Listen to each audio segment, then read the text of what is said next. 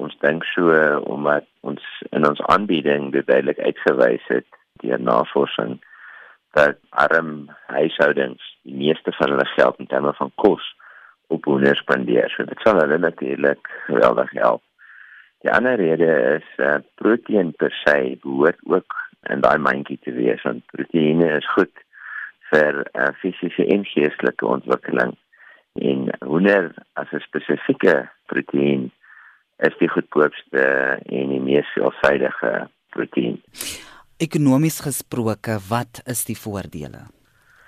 Kyk, daar's ja wat voordele wat vir die land natuurlik ook voordelig sou wees Honderprodusente en die honderbedryf is meestal in die platteland. Dis waar ons fabrieke is en, en ek dink dis ook waar daar werk geskep moet word veral. So as uh, honder nou ingesluit word in 'n mandjie, dan behoort jy uit te sien dat verbruik ons bereken omtrent met 7.8% sal toeneem.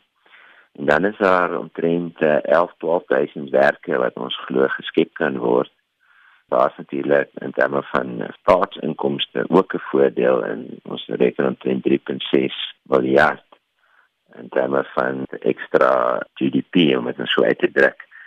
Daar sou omtrent 'n biljoen rand in addisionele staatsinkomste wees as gevolg van werke en belastings en so voort, meer geld.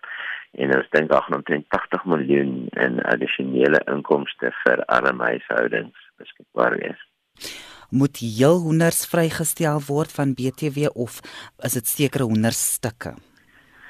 Ons het spesifiek gesê dat opgesnyde porsies is die tipe snit wat ons glo die beste voordeel na die arm van armste verbruikers sal deurgee. Want die hele mandjie se se fokus is daarop om vir die arm van die armste uh, verbruikers 'n voordeel te gee.